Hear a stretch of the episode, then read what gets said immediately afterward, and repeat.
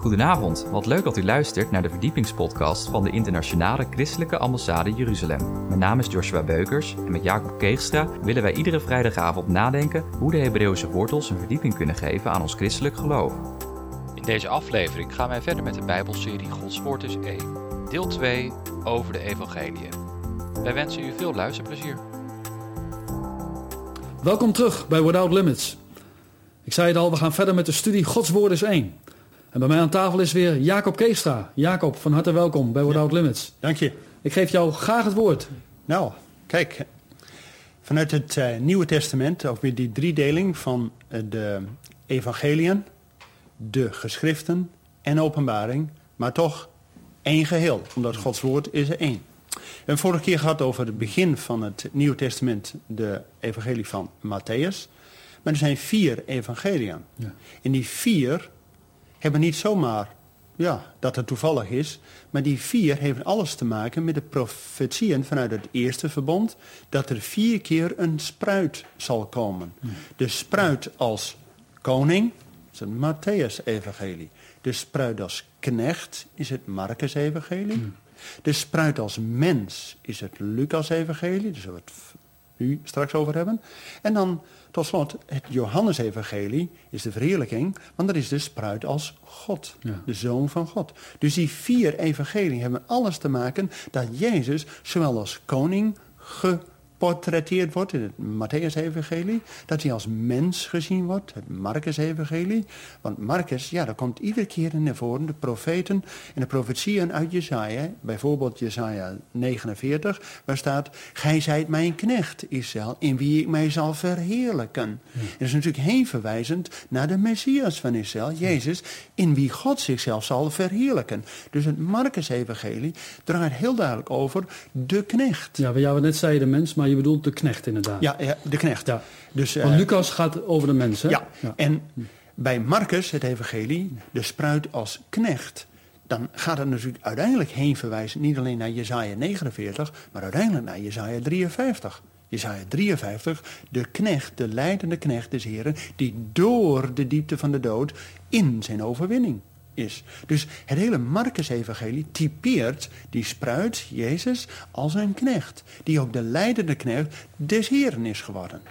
Nou, en dan gaan we nu met het Lucas-evangelie, waar heel duidelijk, Lucas is een dokter. Ja, ja dus vandaar dat hij ook in de mens geïnteresseerd tuurlijk, is. Tuurlijk, die heeft oog voor genezing. Ja, ja. En in het Lucas-evangelie lezen we ook tot vijf keer toe dat men ziet aan de voeten van Jezus zodat er een stuk ja, verzoening, een stuk heelheid, een stuk genezing is. En we lezen notabene over zeven genezingsverhalen. En dan het mooie is, wanneer God er één geneest, dan gaan alle omstanders God loven en prijzen. Zie je hoe diezelfde lijn, als God Abraham zegent, dan is het tot zegen voor allen. Dus God denkt inclusief. Nou, laten we het Lucas-evangelie eens nader bekijken. Dan ook weer begin en einde in het centrum. Hè, zoals we dat in de hele studie gedaan hebben. Lucas-evangelie, begin en eindigt bij het huis van God. De tempel. Ja, bij het heiligdom. Bij het heiligdom. Want daar moet je wezen. Daar draait het om, waar het draait om die verzoening. En waar God ook troont op de lofzang van zijn volk. Dus de lofprijzing is in het heiligdom. Maar ook het ark van het verbond met het verzoendeksel. Maar natuurlijk die verzoening. Omdat als we gezegend zijn, gezegend is hij wiens zonde bedekt is. Nou, dan kan God tronen ook op ons en in ons leven. Dus die lijn zit er helemaal in. Dus het Lucas-evangelie, waarin Jezus als mens wordt getypeerd, de heiland die genezend rondgaat, begin en eindigt bij het heiligdom. Hem vanuit die verzoening. Dan wordt het focuspunt gebracht. Nou, dan Lucas 2, dan zien we al, als Jezus zelf nog als klein babytje in dat heiligdom, in die tempel gebracht wordt, dat die twee ouden vandaag, Simeon en Anna, Simeon betekent God hoort en Anna genadig. Dus God hoort genadig. En die profiteren al over dat babytje Jezus, die na 40 dagen voor het eerst in het heiligdom komt. 40 is een afgesloten eenheid, afgesloten periode. Jezus komt, na 40 dagen wordt hij de tempel voorgesteld en wordt hij gelost. Ja. Dan zien we al het plan van God, hè? De, Omdat roep- hij- de roeping van Jezus. Ten eerste wordt hij natuurlijk de losser, maar moet hij zelf in die zin gelost zijn. Maar je ziet ook de roeping van Jezus, dat die twee ouderen vandaag, die profiteren over dat babytje Jezus. Hij zal het licht tot de openbaring van de heidenen zijn. Dus het evangelie is ook eerst naar de heidenen gegaan. Maar daarna staat er heerlijkheid voor uw volk. Want de heerlijkheid heeft met de Shekinah te maken. Die weg was uit die tempel. Maar als dat babytje Jezus komt en had Haggai, die geboren is tijdens het feest, Haggai, wordt al dat die profetie is met die tweede tempel van Salomo, dat de heerlijkheid des Heren veel groter zal zijn als toen met de tempel van Salomo. Wat natuurlijk een geweldig gebouw was. Een van de zeven wereldwonderen. Die tweede tempel waar Jezus in gebracht is, ja, dat was toch maar een, ja, een gewoon gebouw in die zin. Maar die Haggai profeteert al dat de heerlijkheid des Heren veel groter zal worden. Dus het gaat erom dat wanneer Jezus in die tempel is, dat ook de heerlijkheid voor zijn volk groot zal worden. En de derde, en dat is ook de tijd waarin we nu leven. Daarom zien we ook al de hele ja, geschiedenis en de hele spanning daar in het Midden-Oosten. Het draait om die strijd om Jeruzalem. Daarom is al de Messias, dat hij niet alleen licht tot openbaring voor de heidenen, heerlijkheid voor zijn volk Israël, wat vanaf 1948 dat God al bezig is om zijn volk weer te herstellen. Ja. Maar de geest moet nog komen, zodat ze werkelijk een leger van Joden worden. Want Joden betekent Godlovers. Dat ze God gaan loven en prijzen. Dus Gods geest moet nog volledig over zijn volk komen. Zodat het niet alleen een volk van koningen en van priesters wordt. Ja, want daar hebben we het de vorige keer ook over gehad, dat er een bedekking op het volk eh, rust. hè? Dus het evangelie gaat de wereld door. Totdat de volheid der heiden van binnen gaat. En dan zal ook de verlossing van gans Israël komen. Dus het is een steeds profetie. En die wordt al bij dat babytje Jezus, die voor het eerst in dat heiligdom is, geprofeteerd. Nou, allemaal profetisch gebeuren. Nou, gaan we verder met het centrum van het Lucas-evangelie. En dat is een reisverhaal.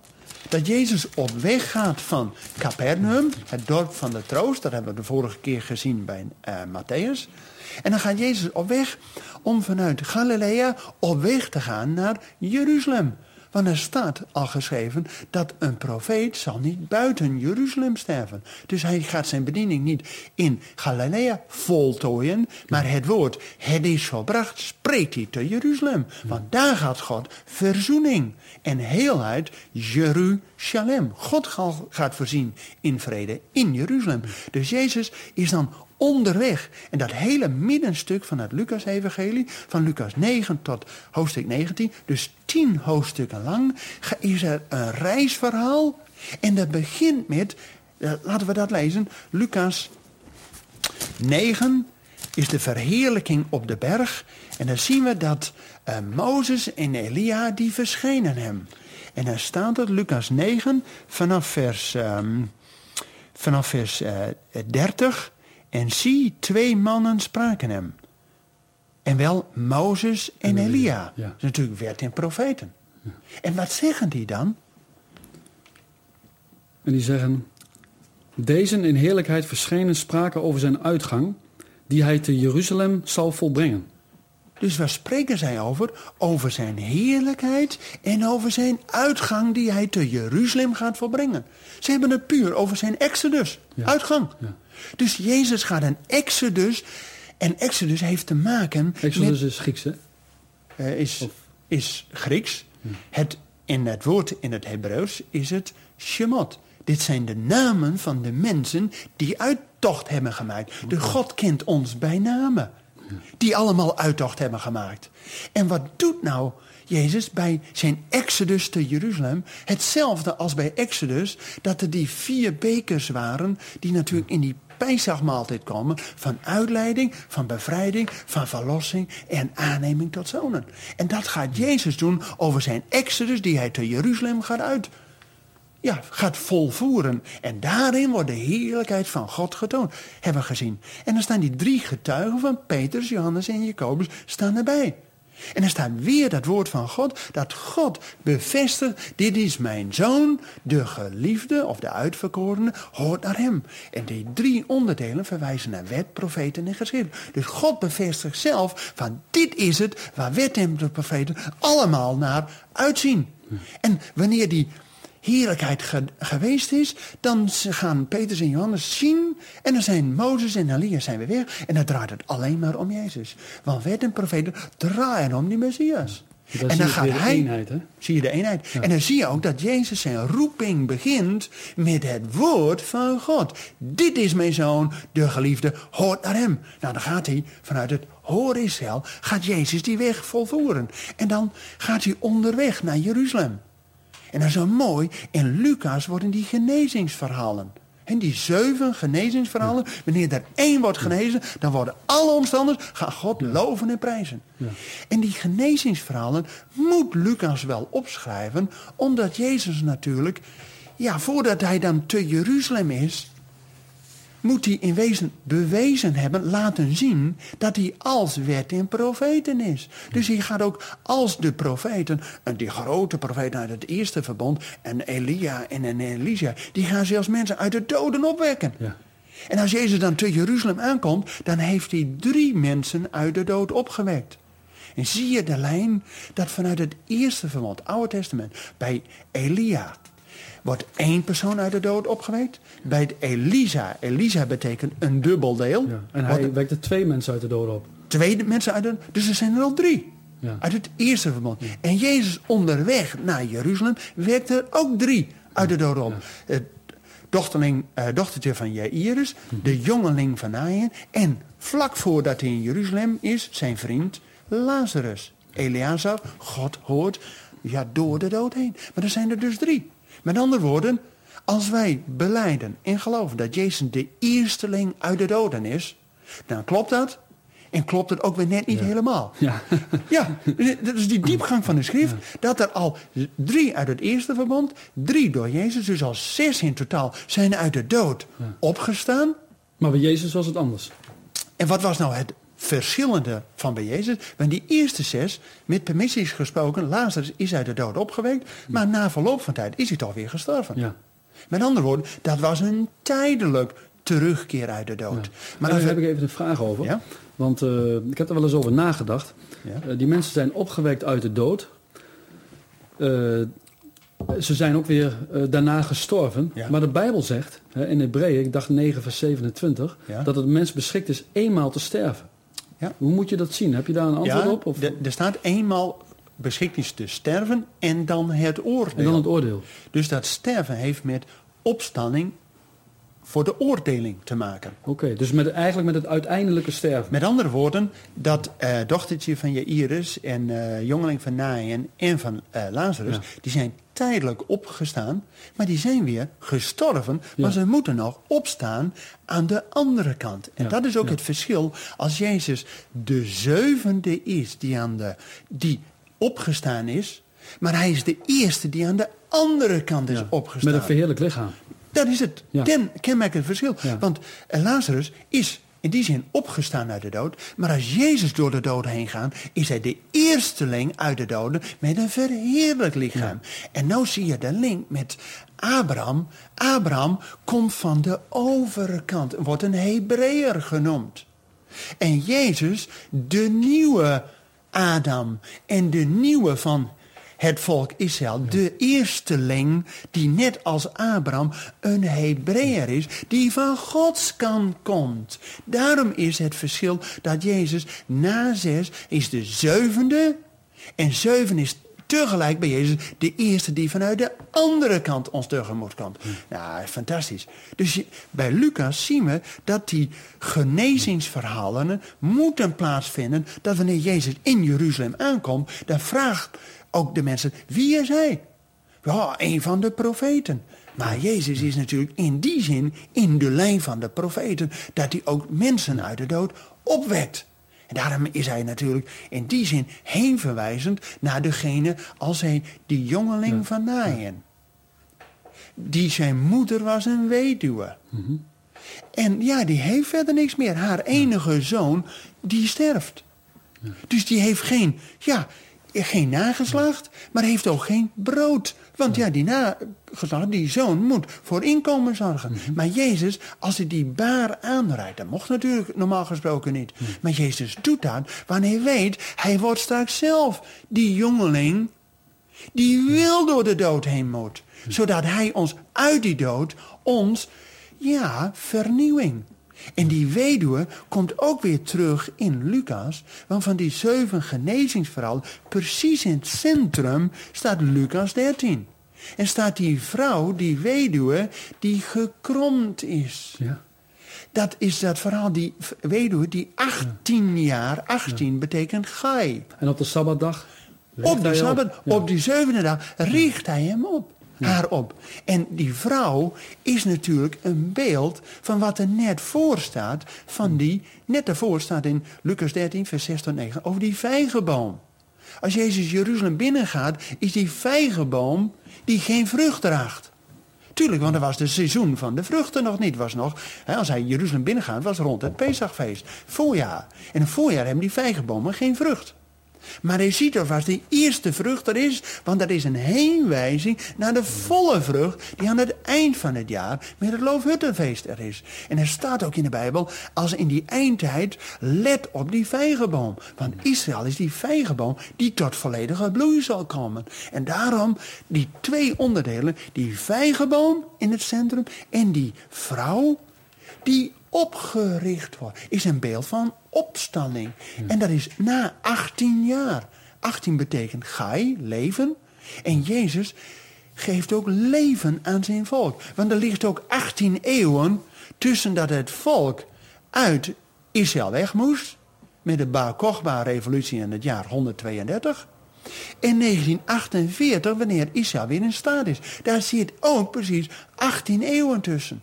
Er zit een bepaalde diepgang is in. Dat Jezus, de Messias, spreekt een woord in leven dat er opstanding is voor die jongeling van Naaien. En er is opstanding voor die vrouw, die weduwe, die een beeld is van Israël. Die, ja, zonder man zat, maar God is uw man.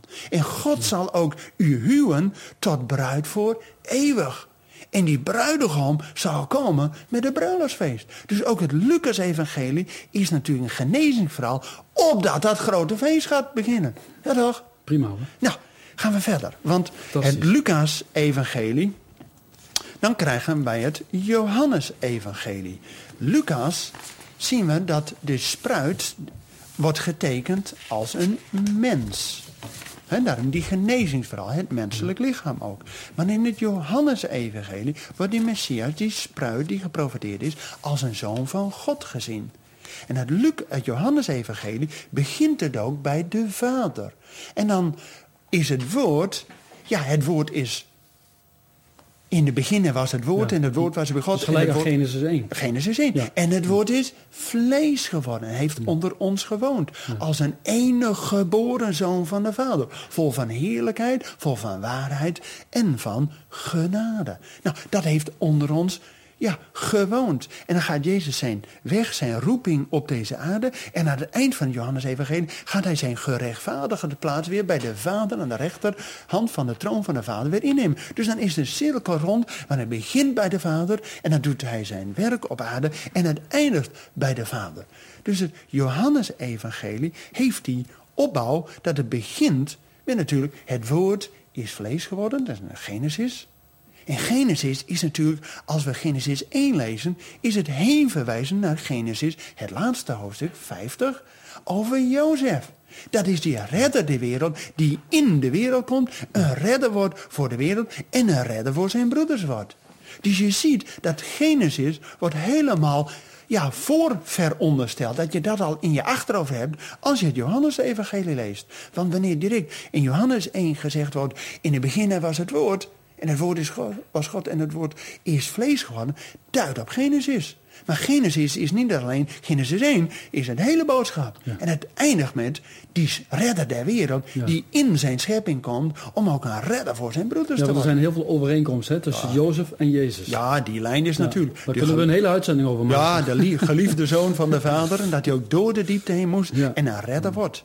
Nou, en dan in het centrum van het Johannes-evangelie gaat het over dat als Jezus naar de vader gaat, hè, die lijn van hij komt van de vader, doet zijn werk op aarde en gaat terug naar de vader, dan gaat Jezus de trooster, wat we bij het Matthäus-evangelie al gezien hebben, dat hij ging wonen in het dorp van de troost, Capernaum. Maar als Jezus dan weer naar de Vader gaat, dan gaat hij die andere trooster, de Heilige Geest, beloven. En dan in zijn afscheidsreden, Johannes 14, 15, 16, dan belooft Jezus de trooster, de Heilige Geest. Ja. En die trooster wordt met vijf beloften geprofeteerd. Want die moest nog komen. Maar Jezus zegt al dat die Heilige Geest vijf dingen gaat doen. En die vijf spreuken, beloften van de geest, heeft natuurlijk alles te maken met de vijf boeken van Mozes. De vijf boeken van de psalmen. De vijf bedieningen aan de gemeente. De vijf beloften van de geest. Nou, welke zijn die vijf? De vijf parakleetspreuken die Jezus spreekt in zijn afscheidsreden, Johannes 14 tot 16. En dat eindigt natuurlijk met Johannes 17, het hoge priestelijk gebed. Opdat wij allen één zijn. Dus Jezus, hè, Gods woord is één. En Jezus biedt ook opdat wij allen één zijn. Dat is de climax van dat, ja, het hoge priestelijk Ja. gebed. En net daarvoor geeft Jezus in vijf beloften aan wat die geest gaat doen. De geest zal bij ons zijn Ja. en zal in, In ons ons zijn. zijn, Dat ja. was hier in het Oude Testament nog niet. Er was de geest er wel, maar die was nog niet Ja, die ging in over ons. de mensen. Ja, en dus in het Nieuwe Testament is het dat de geest niet alleen bij u is, maar zal in ons zijn. En hij zal ons de woorden van Jezus doen herinneren. En wij moeten getuigen, maar de Heilige Geest zal overtuigen. Dus evangeliseren is niet zo moeilijk, Henk. Ja, maar de evangelist, eigenlijk moet ik zeggen, is niet zo moeilijk. Maar je hoeft alleen maar te getuigen. Ja, maar vanuit je hart. Amen. Dat is het. Amen. Daarom Ja. moet Gods geest bij ons zijn en in ons zijn. En dan hoef je alleen maar je mond open te doen. Ja. Dan zal Gods geest jou de woorden van Jezus doen herinneren. Dus ook zegt eh, de Bijbel, als je voor koning staat, hoef je niet van tevoren voor te bereiden wat je allemaal gaat doen. De geest zal het u op dat moment ingeven. Maar de geest gaat één stap verder. Wij moeten getuigen, maar de geest gaat overtuigen van zonde, gerechtigheid en oordeel. Van zonde omdat ze niet in de zoon hebben geloofd. Van oordeel omdat de overste der wereld geoordeeld is. En van gerechtigheid omdat Jezus zijn gerechtvaardigde plek bij de Vader gaat innemen. En dan de laatste, dat is de mooiste vind ik. Dan gaat de Heilige Geest ons de toekomst openbaren. Nou, de volle waarheid. De volle waarheid en de toekomende dingen. Met andere woorden, door Gods geest hem zitten we in de volle waarheid, volle licht van het evangelie. Dan gaat het licht over het evangelie op, anders werd het een bedekking. Maar dat doet ook dat hij ons de toekomende dingen zal verkondigen. Ja, Ja. Dat niet fantastisch? Dus de Heilige Geest zal in ons zijn, zal ons de woorden van Jezus herinneren. Wij moeten getuigen, maar de Geest gaat overtuigen. Overtuigen. En hij gaat ons in de volle waarheid brengen en ons de toekomende dingen verkondigen. Nou, dat hele Johannes-evangelie is één profetie. Ja, toch? Prachtig, hè? En weet je, dan is het niet alleen horen, maar ook doen. Want na die vier evangelie, dan gaat het geloof in praktijk. Ja. Maar dat komt toch eigenlijk wel in de hele Bijbel naar voren, hè? Tuurlijk. Doen wat het woord van God zegt. Tuurlijk. En weet je hoe de handelingen ook wel genoemd wordt? Praxis. Praxis. Ja, het Griekse woord van handelingen is praxis. Nou, we kennen die naam hè, van praxis. Gewoon in praktijk brengen. Dat, dat, Ja. hè? En voordat we met handelingen, daar staat aan het slot van het Johannesevangelie dat Petrus in ere hersteld wordt. Weet je, dat vind ik zo'n pastoraal iets. Dan aan het, als in de Johannesevangelie niet alleen draait om Jezus, de Zoon van God, en dat hij ons de trooster ja, aanreikt, maar dat ook degene die in allerlei fouten was, maar Petrus heeft hem verlogend. We hoeven geen doekjes om te wenden. Maar hoe vaak hebben wij de he- heiland niet verlogend? En dat God stelt Petrus weer in de bediening. Want dan kan ook de praxis, dat Petrus, Johannes en Jacobus ook degene zijn die gaan getuigen. En de Heilige Geest gaat overtuigen. Want ja, de eenvoudige vissers uit Galilea, die geeft God een bediening mee wanneer ze bekrachtigd zijn in handelingen 1.